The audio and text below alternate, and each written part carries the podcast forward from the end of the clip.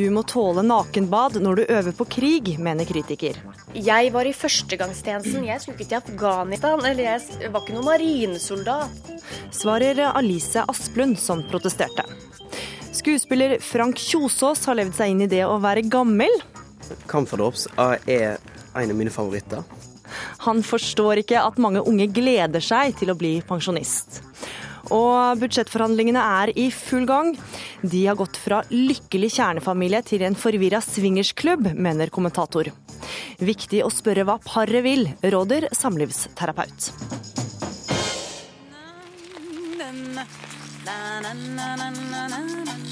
Husker du denne dama? Vi trenger feminin sykkelpolitikk, mener SV, som møter Høyre i debatt. Du hører på Ukeslutt her i NRK P1 og P2. Jeg heter Gry Veiby og skal være sammen med deg den neste timen. Men først et nyhetssammendrag ved Eli Bjelland. Høyre og Fremskrittspartiet sitter i dag sammen for å justere på tilbudet de i går la fram for støttepartiene KrF og Venstre i budsjettforhandlingene. Det er foreløpig ikke fastsett noe nytt møte mellom alle de fire partiene. Gjermund Hagesæter i Frp sier partene har et håp om å være ferdige med forhandlingene mandag, men sier det kan bli vanskelig å holde denne fristen. Regjeringa oppretter ei nettside for overlevende, etterlatne og andre som ble råka av terroråtakene 22.07.2011. Kommunalminister Jan Tore Sanner presenterer planene for fylkeslederne for støttegruppa i dag. Nettsida kommer til å være på plass før jul. Israelske tryggingsstyrker skjøt og drap en ung israelsk araber nord i landet i formiddag. Mannen skal ha trua politifolk med en kniv. Situasjonen i Israel er spent etter flere dager med sammenstøyter i Øst-Jerusalem. En healer må møte i retten fordi han rådde ei kreftsyk kvinne fra å motta cellegiftbehandling.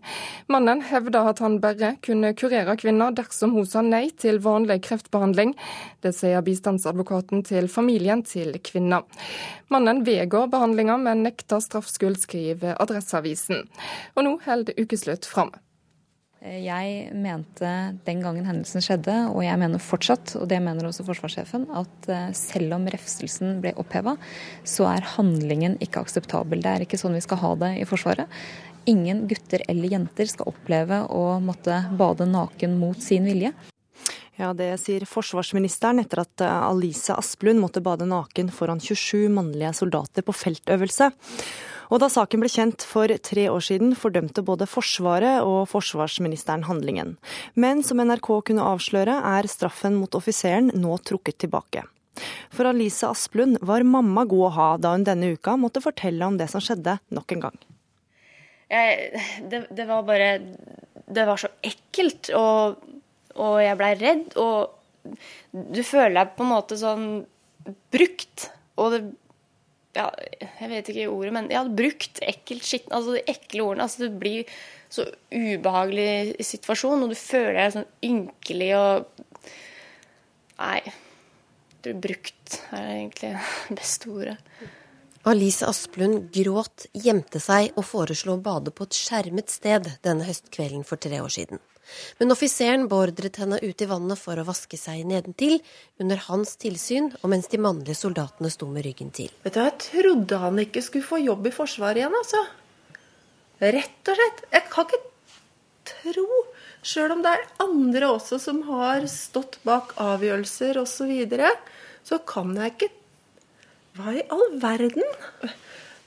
Hva slags menneske vil man ha i Forsvaret da? Mamma Liv Alice Asplund har vært Alices viktigste støtte. Også denne uka, da en uavhengig klagenemnd opphevet refsen mot offiseren, som var å bli forflyttet og få en bot på 2500 kroner. Likevel sier forsvarsminister Ine Eriksen Søreide at handlingen var uakseptabel. Det henger ikke på greip eh, ikke for meg og ikke for folk flest, tror jeg. Det, det å være funnet skyldig i en ting og slippe straff. Nemnda skriver det anses ikke bevist at refsede var klar over hvordan hun følte situasjonen, og at hun følte seg krenket. Hva tenker du om det? Nei, jeg syns det er veldig merkelig. For når det står en person foran deg og gråter, og gjemmer seg og kommer med andre tilbud og sier rett ut 'det her kan du ikke tvinge meg til', og jeg gjemmer meg Det er for meg uforståelig. Ethvert oppegående menneske vil jo se det på meg, at dette her virkelig var noe jeg ikke ønsket. Så når, han, hvis, når du så i den begrunnelsen, så har jeg skjønt at han har på en måte prøvd å si at du og hun andre var ute etter å ta han. Ja. Hva tenker du om det? Nei, jeg, jeg fatter og begriper det ikke. Hvor det kommer fra i det hele tatt. Det er helt Ja, det er vi Ja, for det var også noe jeg spurte Alice om. Har han noen grunn til å liksom være uvenn med deg? Har du, har du tatt den for noe? Har han tatt deg for noe og skal liksom poengtere at det hører her? Men det var de Da jeg husker jeg Alice også sa at Og det kom sånn helt ut av det blå. Men, men, men eh, Alice, blei ikke du lurt inn på et kontor sammen med han ved et tilfelle? Ja, det ble Ja. jeg. Hadde vært og snakka med Nå husker jeg ikke hvem det var. Det er en av de offiserene eh, på Bodø hovedflystasjon, i hvert fall. Og da er det en fenrik der som huker tak i meg og vil ha meg inn på et kontor. Og jeg tenker jeg skal snakke med han. Han var jo for så vidt ålreit, han. Det var liksom ja, jeg skal snakke med deg. Men der satt jo han løytnanten som hadde beordra nakenbadinga. Og da sa han til meg at uh, han bare gjorde jobben sin. At uh, han gjorde bare det han hadde lært, han. Hvorav jeg svarer uten å tenke meg om at å ja, så du har lært det at du skal tvinge folk til å ta av seg klærne og gå ut i vannet og bade sammen og vaske seg nedentil. Eh, og da så jo fenriken fort at det her kom ikke til å bli et fint utfall, så han eh, dro meg nærmest ut av kontoret og fikk meg ut av bygningen rimelig fort. Det var en veldig ubehagelig og det var helt forferdelig. Åh, det var fælt, altså. Den tidligere hjemløse katten Brutus er uberørt av oppstyret rundt sin nye matmor. Men da saken sprakk i mediene, var det mange som kjente seg igjen i Alices historie. Det var bare gutter som forteller om lignende episoder. Og Det var no, noen, noen jenter òg, men det var mest gutter. Det var det jeg husker jeg reagerte på det. At det var faktisk flest gutter som kom med tilbakemeldinger på det. Hva var det de fortalte da? Nei, det var jo Det, det var veldig mye forskjellig. Eh, Men, jeg, men, men lignende saker, da. Mob, mobbing. Også noen slutta pga. mobbing. Og så var det også trakassering. Så ja, maktmisbruk og den slags. Så dette er ikke et kvinneproblem i Forsvaret nødvendigvis? Det er det ikke. På nettet derimot får hun kritikk, særlig i kommentarfeltene til nettavisene. Skal du i krig, må du tåle verre ting enn nakenbading, er et argument som går igjen. Men eh, jeg var i førstegangstjenesten. Jeg skulle ikke til Afghanistan, Afghanistan. Eller jeg var ikke noen marinesoldat. Jeg var jo ikke, ikke noe sånt. Det var bare feltøvelse i førstegangstjenesten og nakenbading. Gutter og jenter sammen sånn. Det skal ikke finne sted. I hvert fall ikke i Forsvaret. Man skal bade hver for seg og med, med undertøy på. Og ja, nei, det, det skal ikke skje. Det Absolutt ikke. Det opprører mamma Liv at noen ser på Alice som en pingle. Hun forteller at eh, datteren begynte i Forsvaret fordi hun ville bli brannmann, og klarte kravene til røykdykkerkurset to måneder etter at hun fikk en brist i ryggen. all ære til deg som eh, orker å stå i det. Og ta, du blir jo på en måte en sånn punching ball. men men eh, jeg veit jo hvem du er, og hva du står for, så jeg tenker at eh, Go on. Go girl, og bare kom igjen. Det er litt som den store bukken Bruse. Ja, hva har mamma betydd for deg? Og begynner å gråte. Jeg hadde ikke klart å være så sterk hvis ikke jeg hadde hatt hun. Men du er sterk, vet du. Det er godt å ha noen som du kan ringe til, og som ha en liten peptalk, holdt jeg på å si, før man går inn i kampen. Nå så tenker jeg at det nok var lurt av meg å la Lise ta den første støyten sjøl, fordi verre enn det blir det jo ikke. Og det snakka vi litt om òg. Verre enn dette. Dette er det verste. Ja. Ja. Tror du Forsvaret er klar da, til å ta imot alle disse vernepliktige jentene fra, fra neste år? jeg, jeg, håper og tror at, at, det skal gå bra.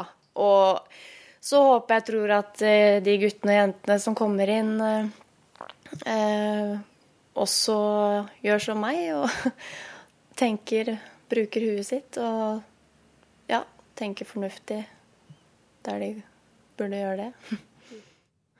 Reporter i dette innslaget var Linn Beate Gabrielsen. Det har ikke lyktes NRK å få et intervju med offiseren det her er eh, snakk om. Soldater må tåle å se hverandre nakne, skriver du i et leserinnlegg i Fagbladet Journalisten. Anki Gerhardsen, du er universitetslektor ved Universitetet i Nordland. Hva mener du med det? Det er forskjell på eh, det sivile samfunn og det militære. Det er nå det aller første som vi må ha klart for oss. Og jeg er ikke sikker på om folk har det så klart for seg. Eh, så tenker jeg at det eh, som også soldater i førstegangstjeneste skal eh, trenes i, det er å takle en krig. Gang, her framstilles det litt som om førstegangstjeneste er en slags sånn alternativ til folkehøyskole. At de ikke skal til Afghanistan. Og det er på en måte en slags sånn manglende opplevelse av alvor.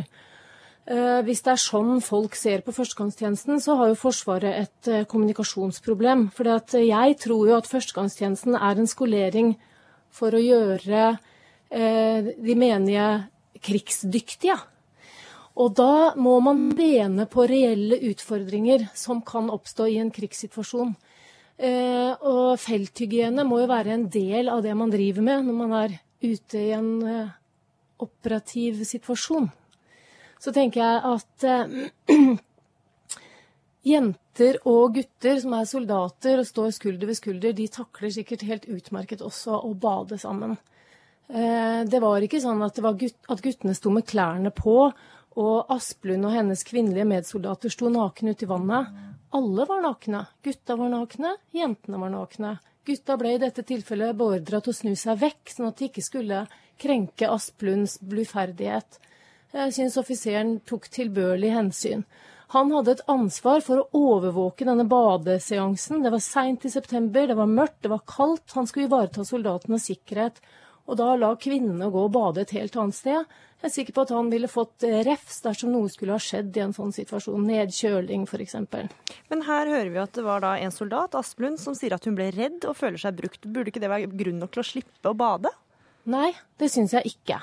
Hvis eh, offiseren mener at her er det nødvendig med felthygiene, så må vi stole på hans vurderinger. Vi vet også at han har forholdt seg til et regelverk. Eh, nå er det jo han som har fått hele skyllebøtta, selv om jeg mener at dersom det sivile samfunnet virkelig syns at nakenbading, eh, hvor kvinner og menn bader sammen, er så grusomt, så får man da rette skytset dit det skal rettes, nemlig mot Forsvarets eget regelverk. Men her har man tatt ett enkeltmenneske og hengt det på torget. Jeg syns det er ganske skammelig. Pensjonert offiser eh, Svein Erik Larsen Ramberg, du har over 1500 døgn i felt og erfaring fra 23 år ved ulike avdelinger i Nord-Norge. Og du er en av dem som reagerer sterkt på denne saken. Men eh, skal du tåle krig, så må du vel tåle verre ting enn nakenbading? Ja, det er mye rart som skjer i eh, Forsvaret i dag. Vi har fregatter som vi ikke er i stand til å seile, og vi har fly som faller fra hverandre. Og Luftforsvaret i tillegg begynte å holde seg med bademestere. og da, da undrer jeg seg litt over hva som skjer når vi ser på det som skjer her, så har jeg aldri opplevd eh, noe tilsvarende. Aldri, aldri sett eh, at eh, det har vært gjennomført en sånn badeøvelse med soldater under en, en øvelse. Felthygiene foregår på helt andre måter, må tilpasses de forutsetninger som er der og da. Og de her hadde da gått en hel dag. Hva er det da som er vesentlig? De skal jo gå videre neste dag. Det er ett stikkord, og det er beina. Og det er innebærer at man må eh, sørge for at de blir kontrollert, og man må sørge for at, eh, at, de blir restituert, slik at de er i stand til å gå videre neste dag. Men, men Ramberg, du må vel tåle verre ting enn nakenbading om du skal i krig? Tåle verre ting enn nakenbading? Ja, det, altså, vi, vi, snakker jo ikke om, behov, om noe behov. Er det i det hele tatt behov for nakenbading? Det er ikke behov for noe nakenbading. Det gjennomføres aldri noe nakenbading. Det er jo veldig lett eh, for så vidt både for meg og for deg å sitte her og mene veldig mye om den aktuelle situasjonen, men ingen av oss var der. Sånn at all, alt det vi holder på med nå, er en slags sånn teoretisk tilnærming til en situasjon hvor ingen av oss faktisk var til stede. Sånn at eh, Å vurdere hvorvidt offiseren gjorde en riktig avgjørelse på å slippe soldatene ut i vannet eller ikke, det syns jeg er irrelevant. Men jeg synes at det som er problemet her, det er at en liten hendelse framstilles nesten som om det har vært en slags voldtektssituasjon. Det høres ut som Asplund har vært utsatt for helt forferdelige hendelser. Og jeg ser også at du i ditt leserinnlegg bruker ord som eh, varig traumatisert. Da, da tenker jeg hva, hva, er slags, hva, er det for slags verden vi lever i? Ja, for Ramberg, Du sier til ABC Nyheter at du frykter at dette kan føre til eh, at Asplund blir traumatisert. Hva mener du med det? Ja, det er jo, det er jo nå flere år etter at hun, eh, hun eh, var med på det her. Hun, hun, eh, gråter jo fortsatt og er åpenbart prega av det her. Og Familien uttrykker også at hun har hatt problemer i, i ettertid. og Det må man jo kunne kalle traumatisert, mildt sagt. Hva tenker du om men, det, Gerhardsen? Ja, men jeg, jeg, tenker at Det kan godt hende at Asplund ikke takla dette her. Spørsmålet er om det er offiseren som skal refses og tas ut av tjeneste for det? Her kan du, her kan du dele det i to. ikke sant? Det ene er Asplunds situasjon, og det andre er at de faktisk måtte bade. Jeg har aldri opplevd at noen avdeling har hatt noe fellesbading seint på kvelden i mørket. Det, det, høres helt underlig ut. Altså, Soldatene har utlevert eh, håndkle og, og, såpe og har med seg toalettmappe i sekken. og Det normale er at man, man foretar nødvendig vask eh, sjøl. Når det gjelder saken med, med Asplund, så har jeg, har jeg, aldri hørt om at eh, verken mannlige eller kvinnelige soldater har vært nødt til å kle seg naken for å gjennomføre felthygiene. Gerhardsen, eh, du mener dette må tåles fordi soldater trener på krig. Men man trener jo ikke på tortur i militæret heller, da? Ja, men altså det førstegangs, I førstegangstjeneste gjør man sikkert ikke det, eh, men jeg syns det blir å ta ting eh, voldsomt langt. Det er å kle av og på seg ute i felt, det å vaske seg, det å skifte fra våte til tørre klær, det er jo sånn veldig sånn fundamentalt. Det, det som er mitt anliggende, er at vi lager en veldig stor sak ut av noe som ikke er så stor sak. Jeg tror at Forsvaret har en jobb å gjøre med å fortelle hva det faktisk vil si å lage en kriger. Det er det de holder på med. Ja, altså Det kan jeg for så vidt være enig i. Altså, Forsvaret er ikke det, det Forsvaret fremstiller på glansa papir og i, i, i sjølskryt, som vi ofte ser. Det er en helt annen situasjon. Det kan være 14 dager på øvelse under minus 40 eh, grader, og eh, hvor du beveger deg på ski eh, kontinuerlig med en pakning på over 30 kg pluss personlig våpen og ammunisjon. Forsvaret og forsvarsministeren har denne uka sagt at hendelsen er uakseptabel, men at det fortsatt ikke er grunn for refs. Hva syns du om det, Ramberg? Tjenestemannsloven gir jo en klar tilbakemelding på at, at grov uforstand i tjeneste er, er straffbart. Og eh, eh, det er jo også, Når det gjelder militær eh, disiplinærlovgivning, så er det jo noe også som heter utilbørlig ordre. Og Det blir jo en vurdering om hva, hva det her er. Politiet har jo henlagt saken som, med, hensyn til, med hensyn til uforstand i tjenesten. Eh, men, eh, men, eh, når det gjelder disiplinær, eller militær disiplinærhet her, så kan det godt hende at, at man antagelig hadde gjort riktigst i å, i å, opprettholde refsen. På den annen side så ser jeg det jo slik at, at jenter burde få skal vi si, en eller annen form for oppreisning. Enten eh, ved at eh, saken blir eh, erklært utilbørlig, eller ved at hun får en erstatning i en eller annen form. Gerhardsen, helt til slutt, Hva syns du om Forsvarets håndtering av denne saken? Ja, Den syns jeg er trist. Jeg har skrevet i kommentaren min nå at forsvarsledelsen dolker offiserene i ryggen for et regelverk de selv må ta ansvaret for. Og jeg skulle ønske at flere av offiserens kolleger og annet befal gikk ut og sa litt om denne saken, sånn at man kunne få belyst den fra litt flere vinkler enn vi har fått eh, i dag. Og jeg savner også at pressen stiller mer kritiske spørsmål nettopp mot forsvarsledelsen. Anke Gerhardsen og Svein Erik Larsen Ramberg, takk for at dere var med i Ukeslutt. Om eh, få minutter møter Magnus Carlsen Vishy Anand for å knive om tittelen verdensmester i sjakk. Jeg syns det er gøy å få være med på forskjellige ting. Det er et uh, privilegium, men Um, ingen av de tingene er like morsomt som å spille VM i sjakk. Ja, Vi får håpe Norges sjakkhopp Magnus Carlsen fortsatt syns VM i sjakk er like gøy. For nå er det ikke mange minuttene før tidenes revansjoppgjør starter, når Carlsen møter Vishy Anand over sjakkbrettet i Sotsji. Og Heidi Rønneid, du er sjakkommentator her i NRK og klar for den direktesendte kampen på NRK1. Og nå må du forklare, for sånne som meg som ikke har sjakk helt innunder eh, huden, hvorfor er dette møtet mellom Carlsen og Anand så spennende? Magnus Carlsen vant jo verdensmestertittelen fra nettopp Anand i fjor, og alle trodde at Anand kom til å legge opp og ikke spille mer sjakk, men gi seg nesten på topp. Men eh, så ble han utfordret av en annen veldig god sjakkspiller som heter Kramnik, om å stille i denne kandidatturneringen hvor vinneren får møte verdensmesteren igjen. Ingen trodde at Anand kom til å vinne, men det gjorde han. Så nå har han kommet tilbake for å prøve å vinne tilbake verdensmestertittelen.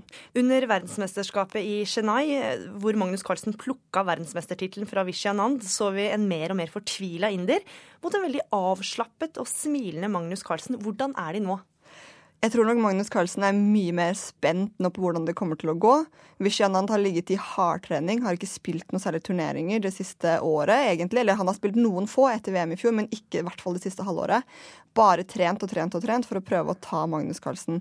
Mens Magnus Carlsen han har jo spilt OL nå i, eh, som var i august, og også en turnering i, eh, i USA hvor det ikke gikk så bra. Så han har måttet prøve å komme i i form, da, komme inn i sjakkbobla som han må være i for å være uslåelig. Ja, Er han i den formen?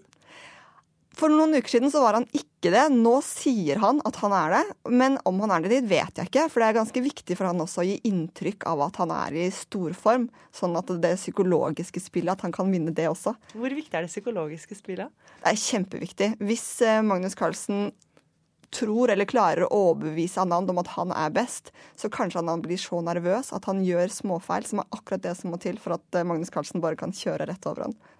Er det mye nerver nå? Ja, det er det helt garantert. Det er ganske mye som står på spill. Verdensmestertittelen for Magnus Carlsen er det veldig viktig å vinne. fordi da blir han ikke bare verdensmester ett år. Det er viktig for han å prøve å bli det flere år på rad, og da virkelig kunne vi gå inn i historien som en av de store sjakkspillerne. Mens for Anand er det veldig viktig å komme tilbake og vise at han, han er ikke en slagen mann, han er fremdeles i tet. Hvor, hvor, gode er lagene deres? For det er jo ikke bare de to. Nei, De har jo et stort team av det som heter sekundanter, som på en måte er trenere, men de er litt dårligere enn eleven sin, derfor kalles det sekundanter.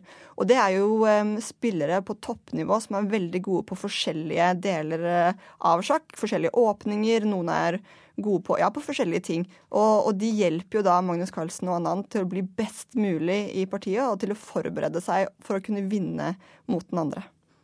Og jeg så at Magnus Carlsen han liker ikke så godt å trene i forkant. Han gjør helt andre ting.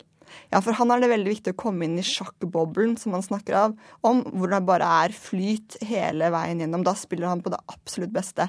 Og det er mange som mener at kommer han inn i sjakkboblen, så er han helt uslåelig. Da kommer han til å vinne. Men klarer han ikke å komme inn i den boblen, så kan det gå begge veier. Det går mot en nervepirrende tid. Takk for at du var med, Heidi Rønneid. Og hele sjakk-VM og kampen mellom Anand og Carlsen kan du også se direkte i NRK1. Du hører på Ukeslutt i NRK P1 og P2, og det må du fortsette med, for snart skal du få høre at eh, SV foreslår egen sykkelpolitikk for damer. Må være sosialist for å komme på dette, svarer Høyre. Og en av fire unge gleder seg til å bli pensjonist og få støtte av trygdebeistet. Det er helt naturlig det at unge folk har lyst til å nyte sitt opium i så ung alder som mulig. Det var en gang en strålende fornøyd statsminister fra Høyre som danna mindretallsregjering sammen med Fremskrittspartiet.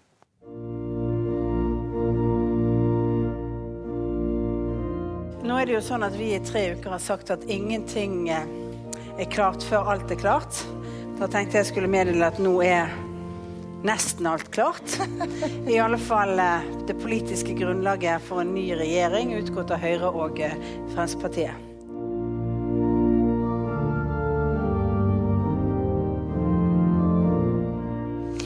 Men de to partiene måtte ha støtte fra Kristelig Folkeparti og Venstre for å få vilja si gjennom.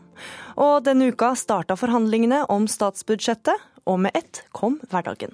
Det var ikke den regjeringa Venstre gikk til valg på. Et lite tulleparti. Regjeringen bør ikke få det som den vil. Et lite tulleparti. Skuffende. Skal si sånn et Sinne i Venstre var ganske stort i morges, det var det. Det er Aftenpostens bønn på lederplass, og vi kan si at den bønna vil bli hørt. Et lite tulleparti. Jeg tror nok at dette blir en betraktelig tøffere høst enn hva vi trodde allerede i, fjor, i går. Jeg er svært lei meg for at jeg kom med en sånn eh, usaklig slengbemerkning, riktignok i en bisetning. Ja, Anita Appeltun Sele, du er fra det såkalte Tullepartiet, som en Frp-representant eh, kalte KrF. Og du satt på Stortinget i tolv år og har vært med på mange budsjettforhandlinger. Hvordan tror du dine partifeller har det nå? Ja, de er trøtte, det er travelt, det er ganske nervepirrende. Men de er i en vippeposisjon, og derfor er det ikke noe tull i dette partiet akkurat for øyeblikket. Men eh, vi hører jo at eh, det har vært litt eh, dårlig stemning her. og Hvor går man videre fra karakteristikken om at eh, KrF er et tulleparti? Altså, det er jo ved at man faktisk blir enige om et budsjett. Og jeg syns jo at det har kommet ganske ulykkelig ut. Og jeg syns kanskje mer synd på E- Siv og Erna enn på, på de to i Venstre og KrF, eller folkene i Venstre og KrF. For dette, de, har, de har ikke vært enige nok før den store dagen når de skulle legge opp ut av første budsjettet. Der burde KrF og Venstre hatt sine viktige saker på plass, slik at de kunne lovprise budsjettet. Og selvfølgelig må Høyre og Fremskrittspartiet ha sine viktigste saker på plass. Og dette burde de vært enige om for noen uker siden. Kommentator i VG Fridtjof Jacobsen, er du enig med Anita Appeltun Selær at utgangspunktet kanskje ikke var det beste? Dette har ikke vært noe veldig strålende utgangspunkt, det statsbudsjettet som ble lagt frem fra Høyre og Frp. Eh, fram til det budsjettet så var jo disse to med Høyre og Frp i regjering og Venstre og KrF på Stortinget som en eh, slags lykkelig kjernefamilie, egentlig. Eh, litt gnisninger og sånn, men stort sett enige om det meste, en felles retning. Eh, nå ser det mer ut som en eh, litt forvirret swingersklubb. Og samtidig så tikker jo klokka. Hva er det som står på spill her? Det som står på spill, er at Norge må ha et statsbudsjett. Eh, Det må ha Stortingets oppgave. Eh, I begynnelsen av neste uke så må det eh, være klart. Da skal det videre til formell behandling i finanskomiteen. Det skal avgis en innstilling, og dette må være klart før, før de tar juleferie. Og det som er vanskelig, er jo da å bli enige om altså Store deler av dette budsjettet sklir gjennom, men det er noen punkter som de nok skal file, hale og dra, og finne noen kompromisser, finne noen, noen løsninger på, som tilsynelatende selvfølgelig når de begynner ser umulig ut, men som de nok må finne ut av. Men det store problemet tror jeg ikke er om de blir enige om budsjettet. Det store problemet er hva slags politiske effekter det får for de fire partiene etterpå. Høyre og Frp har allerede fått eh, mye juling for dette her. Psykolog og parterapeut eh, Katrin Eide, du har erfaring med å føre folk sammen fra TV Norge-serien Gift ved første blikk. Og det begynte med søt musikk, og nå er eh, hverdagen her. Hvilke råd ville du gitt dersom dette hadde vært et ekteskap? Ja, Når hverdagen kommer, så handler det mye om dette her å tåle ulikhetene eh, som oppstår mellom oss. For det eh, kan være ganske skremmende. Eh, for i begynnelsen er vi beskyttet av forelskelsen og ser bare likheten og tenker at å, herregud, vi er nesten den samme personen. Og så etter hvert så kommer det sigende på deg, disse ulikhetene. Og der kan det være viktig å eh, kjenne etter. Hvorfor er det så viktig for meg å ha rett nå? Hva er det dette handler om egentlig? Eh, og så mm, er det de som er virkelig gode til å forhandle, da. De, de holder jo på sitt perspektiv, samtidig som de klarer å gå inn i den andres perspektiv, ta med seg det. Sånn at eh, man ikke blir rigid og fastlåst, og heller ikke selvutslettende. Mm. Ja, Anita Appeltun Sele, du har som sagt vært med på en rekke budsjettforhandlinger, både som opposisjon og som del av et regjeringsparti. Og hvor lett er det å gi og ta nå? Jo, altså, disse, dette, disse parene her, de, de vet jo mer om at de er ulike enn de fleste andre par. Eh, Så jeg bare man klarer å se at ingen må sitte igjen med svarteper, og at må, det er visse ting som må på plass for de enkelte, så tror jeg at man lett kunne komme fram til et, et, et resultat. Men nå er liksom alt i spill, og det er litt uheldig for de som sitter med regjeringsmakta. Fridtjof Jacobsen, hva er det som gjør at det er så vanskelig å bli enig her?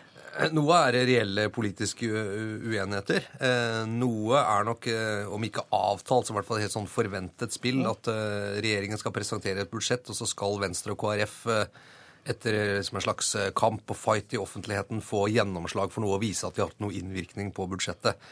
Eh, det kan liksom se ut som bråk og, og kaos. Ja, for De virker jo fryktelig skuffa, men de har jo vært i dette forholdet et år og burde jo vite litt hva ja, ja. Høyre og Frp står for. Det er alltid så mye lønnsoppgjør og andre ting at tilsynelatende er det helt umulig, men så blir det alltid en løsning. og Dette kjenner politikere. Politikere er ikke redd for konflikter, og de er heller ikke redd for å, å la konfliktene se større ut enn det de faktisk er. Men, men det, som, det som står på spill, som virkelig står på spill, er jo ikke på en måte om det blir litt mer penger til klima, om det, hvordan det går med denne formuesskatten. Det som står på spill, er om de fire partiene på borgerlig side klarer å holde tett nok sammen til at de i 2017 går til valg en gang til og sier vi fire holder sammen, vi skal gi landet en borgerlig regjering på en eller annen måte. Det er det som på lang sikt står på spill. Og klarer de ikke det, da er liksom Ernas triumf på valgnatten, og som vi hørte her da hun ble statsminister, veldig lite verdt. For da skjer det som det har gjort med mange borgerlige samarbeid. Det går i stykker. Eh, og så tar det lang tid før det kommer på beina igjen, for da er det så mye bitterhet og sånn. Dette vet Appeltun Sele alt om, med Carl I. Hagen og Bondevik og Sponheim og hele balletten. Ja, men det som undrer meg litt, det er hvorfor regjeringen la opp til noen omkamper på kjernesaker for KrF, og hvorfor de ikke ga hybridbiler f.eks. til Venstre like godt med en gang. Altså, Disse omkampene det irriterer, og de skaper et klima som ikke er helt bra, og det burde de ikke lagt opp til ved denne budsjett, ved liksom seiersbudsjettet som de skulle ha det første året. Første, første hele budsjettet. Men Katrin Eide, for nå sitter jo disse her i forhandlinger, og i et forhold så er det jo viktig å gi og ta. Men hvordan får man partneren til å gi litt mer? Ja, det er ikke alltid like lett, men det handler vel om dette her med Altså, jeg, det bare slår meg litt sånn med dette hvis jeg, når jeg hører på det nå, at det, vi, har, vi, har, et ektepar som tenkte å gifte seg med hverandre, med, med kanskje en, en, en svigerfar og en, og, og en, tydelig søster på siden. Og plutselig så merker vi at uh, du og jeg er ikke bare vi, men, men, men, vi er ikke et par, men vi er liksom en firerbande, virkelig. De, de, skal inn i paret vårt her. Skulle de være med òg, liksom? Ja, vi er, vi er mange. Svigerfaren har en mening hele tiden, og det har søsteren òg. Uh, så det er jo mange, mange, mange som skal få lov til å si sin mening, og alle skal bli hørt litt. Og så er det dette med å finne løsninger eh, på, med, med, et langtidsperspektiv, som Fridtjof sier der, hvordan det, det, å kunne holde sammen lenge, og det at ikke én hele tiden skal vinne, eller noen alltid skal gi seg. Og det er jo ikke helt alltid at kompromisset er den beste løsningen. Så det, det er jo kjempeutfordrende. Mm. Men det viktigste er vel tross alt å bevare parforholdet, Fridtjof? Ja, ja, eller par. Det er jo fire stykker, da. Ja. De løyelige familier. Men ja, det er Ja, altså jeg tror Erna Solbergs store prosjekt som Høyre-leder er punkt én, hun klarte å gjenreise partiet Høyre og seg selv. Punkt to, hun klarte å samle borgerlig side bak en borgerlig regjering med Frp. Det er en ganske stor politisk bragd som hun fikk til der, eller som hun i hvert fall sto i spissen for. og ble, Det er grunnen til at hun er statsminister. Det er grunnen til at det går bra for Høyre.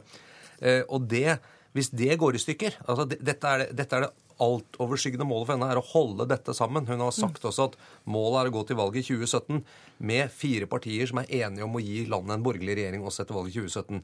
Og budsjettet er jo en del av det. Altså Det må virke for at dette her skal holde.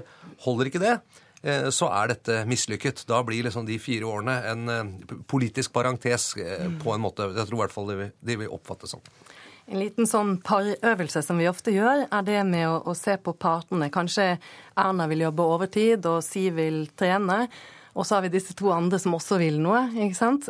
Vi vil eh, ut og spise eller et eller annet sånt. Men hva vil paret? Sele, under de glade dager og under regjeringssonderingene så vi at Erna Solberg hadde med seg poser av godteri når de skulle komme til enighet. Tror du Høyre på Stortinget prøver å gjøre KrF og Venstre blide med sukkersjokk? Ja, det tror jeg faktisk. Og da kommer en med innrømmelser også, en, hva, hva en kan få. Jeg tror de blir enige. Jeg med Fridtjof Jacobsen i at det hovedmålet for Erna iallfall, det er 2017. Og da må hun få de andre med på, hvis hun skal ha en egentlig seier på lang sikt. Og de trenger jo minst åtte år for å snu eller for å gjennomføre sitt eh, åttepunktsprogram. Eh, så, så de, de, må bli venner. Nå må de bli venner. Fridtjof Jacobsen, vi hørte i begynnelsen her at Frp sa at uh, tullepartibemerkninga var uheldig. Men sa Mazyar Keshvari egentlig det som de fleste i Frp tenker? Altså disse små tullepartiene? Jeg tror det alltid har vært i norsk politikk sånn at store partier, og Frp er et relativt stort parti, tredje størst i Norge, synes at mindre partier, små partier, men som er i en vippeposisjon, får litt uforholdsmessig mye makt. Jeg tror Hvis du hadde spurt mange i Arbeiderpartiet om de syntes Senterpartiet hadde en litt vel tung labb på rattet i den rød-grønne regjeringen, så ville nok karakteristikken tulleparti ville nok vært mer profan enn det. da. Eh, det som ville kommet, eh, kommet, fra dem. Eh, men sånn er norsk politikk. Vi har ikke to store partier som i, som i Storbritannia eller USA som slåss om makta bitte litt på det. Vi har det som blir kalt sentrumspartier eller småpartier, som av og til sitter i avgjørende politiske posisjoner. og og da kan eh, tvinge mindretallets vilje på flertallet gjennom å bruke den makten de får der. Irritasjonen over at de små har makt, den burde man ha lært med så mange mindretallsregjeringer som har vært i Norge, at det, at det må man leve med, men man, man må forholde seg til det på en rasjonell måte. Katrin Eide, helt til slutt. Eh, her har vi et forhold med flere partnere. Det, har du stor tro på polygame forhold? Eh, når det gjelder vanlig kjærlighet, så nei. Men dette er jo da et firepartssamarbeid som jeg går inn for. det, det, er kanskje ikke så kjærlig, men det kan jo bli en del moro. Na, na, na, na, na, na, na, na.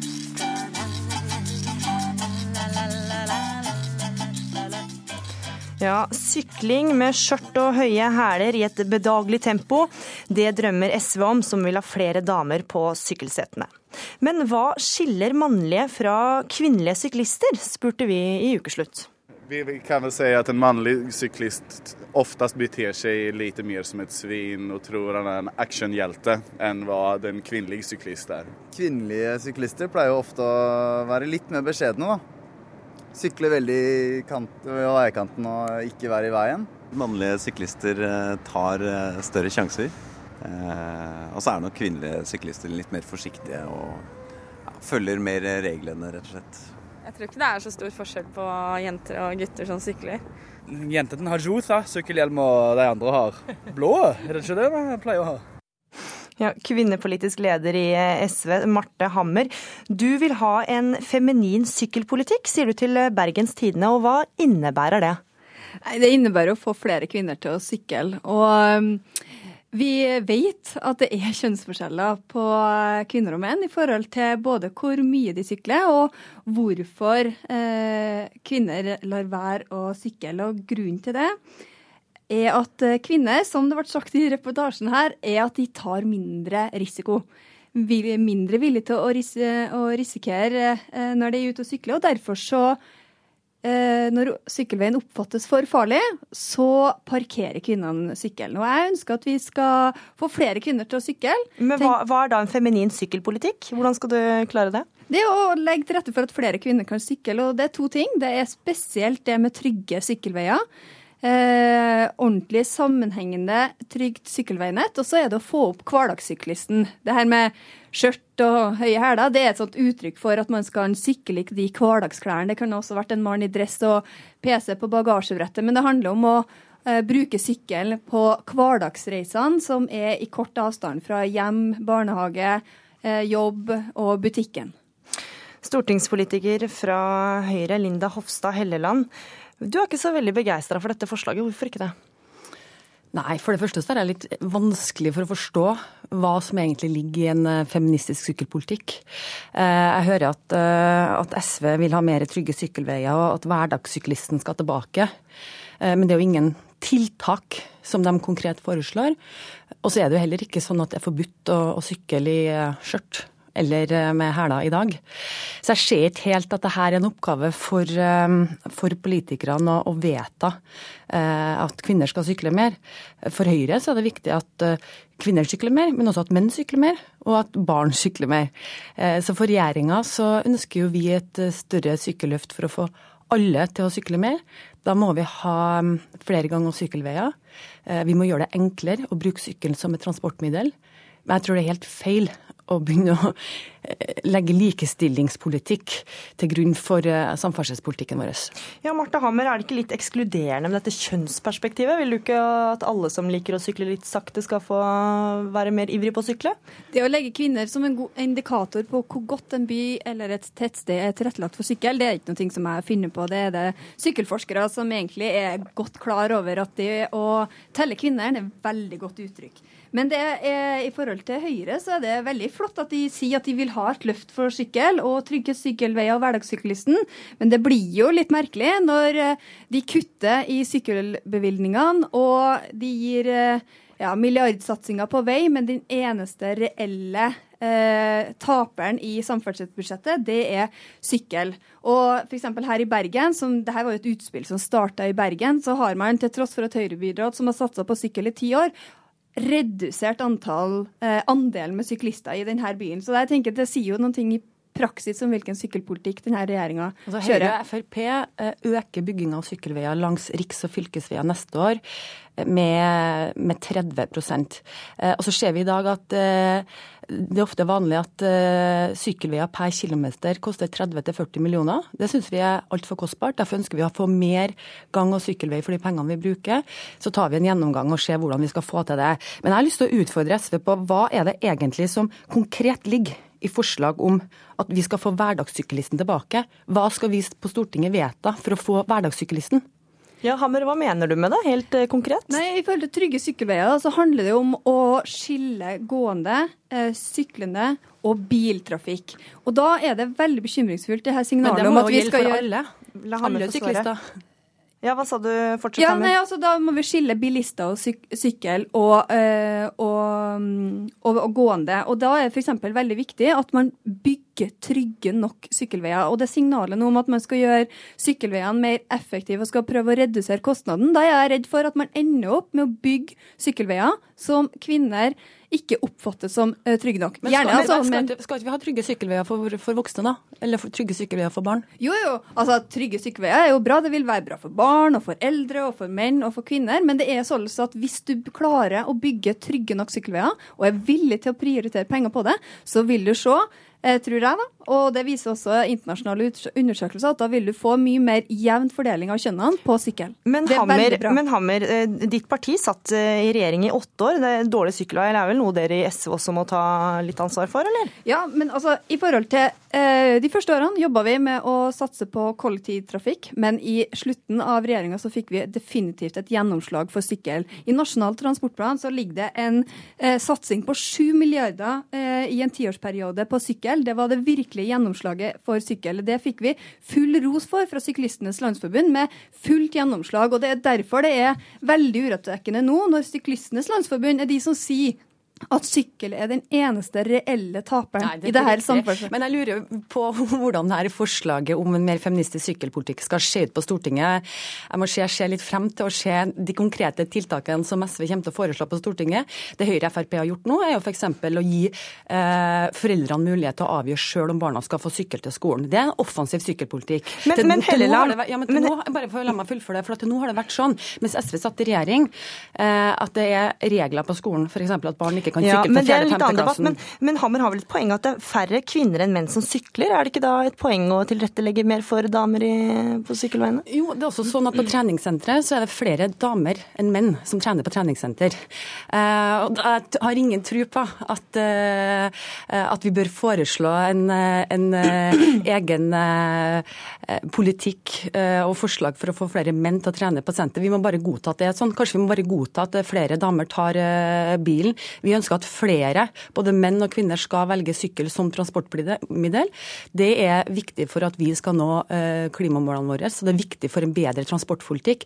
Og jeg ønska meg et seriøst, altså et SV som er litt mer konstruktiv og seriøs, må jeg få lov til å si, og kunne komme med eh, forslag som, eh, som kunne vært mulig å behandle. Det her ser jeg selvsagt på som et, et forslag for å få litt markering rundt politikken sin, men, men siden det ikke er noen konkretisering hva man skal gjøre for å få flere kvinner til å sykle, eh, så, så Og der fikk du siste ord. Dere er begge enige om at flere må sykle. Takk for at dere var med, Marte Hammer fra SV og Linda Hofstad Helleland fra Høyre. Vi spiser den samme maten, Vi har den samme livsstilen som de eldre folka, men de får støtte til livsstilen sin, og ikke vi. Hvor er den, altså, hvor er den logikken hen? At de får heve pensjon, de får, sitt, de får penger. Alt de trenger for å sitte stille, høre på radio, spasere ut på gaten, være høflig. Alt det som vi ønsker å gjøre, men vi får ikke fem øre. Ja, de var unge, men de ville inn på gamlehjemmet og få pensjon. Lillelørdags sketsj om Gamlisungdommen ble på ny aktuell denne uka. For en undersøkelse blant arbeidstakere avslører at det én av fire unge gleder seg til her i livet, er å bli pensjonist. Jeg ser på det som positivt. Får litt tid til å slappe av. Får litt tid til å gjøre det en har lyst til å gjøre. Gleder du deg til å bli pensjonist? Ja, det gjør jeg. Men det er en stund til 27 år gamle Eirik Slevikmoen, som akkurat nå haster rundt på en byggeplass på Røa i Oslo, har sitt aller siste elektrikeroppdrag. Sånn ca. 40 år. Jeg syns det er ålreit å jobbe, men eh, til tider så blir det veldig kaotisk. Og han er ikke alene om å ønske at alderdommen kom litt før. Denne uken kunne vi lese at én av fire under 34 år gleder seg til de skal stemple ut fra jobb for godt. Og fylle livene med sydenreiser, turer i skogen, seniorkino på formiddagen ja, og kanskje I do? seniorkino på formiddagen, Frankly, my dear, I don't give a damn.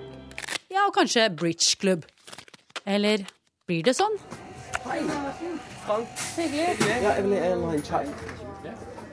Skuespiller Frank Kjosås møter ukeslutt på kafé. Jeg tok med litt uh, mokkabønner og camphordrops. Du, jeg liker begge deler. Camphordrops er en av mine favoritter. Så um, jeg tror jeg blir en god pensjonist. Og det å være gammel har han fått god trening i gjennom teaterstykket Evig ung. Der spilte 33-åringen 90 år. Sånn som jeg tror at jeg er når jeg blir gammel i evig ung setting, så ender det opp med at, um, at hendene har en sånn hvileposisjon på magen. Kjosås synker sammen i overkroppen og tar bena fremover. Men etter 20 minutter i den stillingen så kjenner jo unge Frank at dette er feil. Dette er helt feil. Det er en sånn Skuldrene blir litt løfta, og du synker litt ned. og Egentlig så er det litt sånn Musklene blir svakere enn de er til vanlig. Det er ikke noe godt å være gammel. Nei. Nei. Det er egentlig det jeg er redd for. Det var det siste programmet i denne sendinga. Vi eh, skal Denne stemmen husker du nok godt. Programleder og kanalvert Ragnhild Seltun Fjørtoft ble nylig pensjonert. Da ønsker jeg velkommen til NRK. Jeg heter eh, Ragnhild. Men jobber fortsatt som guide i NRK. Jeg syns det har vært veldig godt å få disponere sin egen tid fullt og helt. Det setter jeg veldig stor pris på. Og så har jeg mange interesser, og får jo stadig spørsmål om forskjellige oppgaver. Slik at eh, jeg har nok å fylle tida mi med. Hva Syns du om at mange unge gleder seg til å bli pensjonert? Ja, det høres, betenkelig ut for meg. Altså, En kan godt glede seg til å bli pensjonist, men det skal en jo ikke gjøre før det nærmer seg ganske kraftig eh, pensjonistalder. Er det dessertgenerasjonen vi ser her? Ja, det tror jeg det er. For ungdom i dag er vel det vår skyld. Eh, Vi har kanskje skjemta litt bort på den måten at eh, de har fått friheten i oppveksten til å gjøre det de vil. De får det de vil ha. Tilbake på kafeen suger en litt influensasyk Frank Kjosås på nok et camphordrops. Med Hamlet på kvelden, prøve på dagen og en svært travel teatervår foran seg, har han liten forståelse for at andre unge gjerne vil rykke fram til pensjonsstart nå. At de gleder seg Ja, altså Det må jo det, eh, må jo være at man eh, så, Oi, så rart. Kan du forstå det? Nei. På byggeplassen på Røa løper Eirik Slevikmoen fram og tilbake. Det er press på å bli ferdig. Skal det bli deilig å slappe av litt? Ja. Ja, og til slutt det er én som gir gamlisungdommen støtte. Ja, hei, hei, det er Trygdebeistet her. Jeg tenkte bare jeg skulle kommentere dette nyhetsoppslaget om at det unge folk gleder seg til å pensjonere seg. Ja, jeg tenker det er helt naturlig det at det unge folk har lyst til å nyte sitt opium i så ung alder som mulig. Det var jo dette som var drømmen til, til Gerhardsen og, og Trygve Bratteli og Åse Liones og disse her. Og vi ser jo den utviklinga som blei ut av det, altså hvor at uh, åttetimersuka blei til sekstimersuka osv. osv. Så da, altså Unge ser jo på, på oss voksne som, som forbilder. Uh, og om vi har lyst til å forandre på dette, her, så får vi gå foran med et uh, godt eksempel og feie for egen dør. Jeg for min del har ikke tenkt å feie for en dritt. Det tror jeg heller jeg da glatt skal overlate til en polakk eller eventuelt ei thaidame. Og reporter i denne saken var Ingvild Edvardsen. Ukeslutt er slutt. Kari Li, Eli Kirkebø, Tove Søtorp og Gry Veiby takker for følget.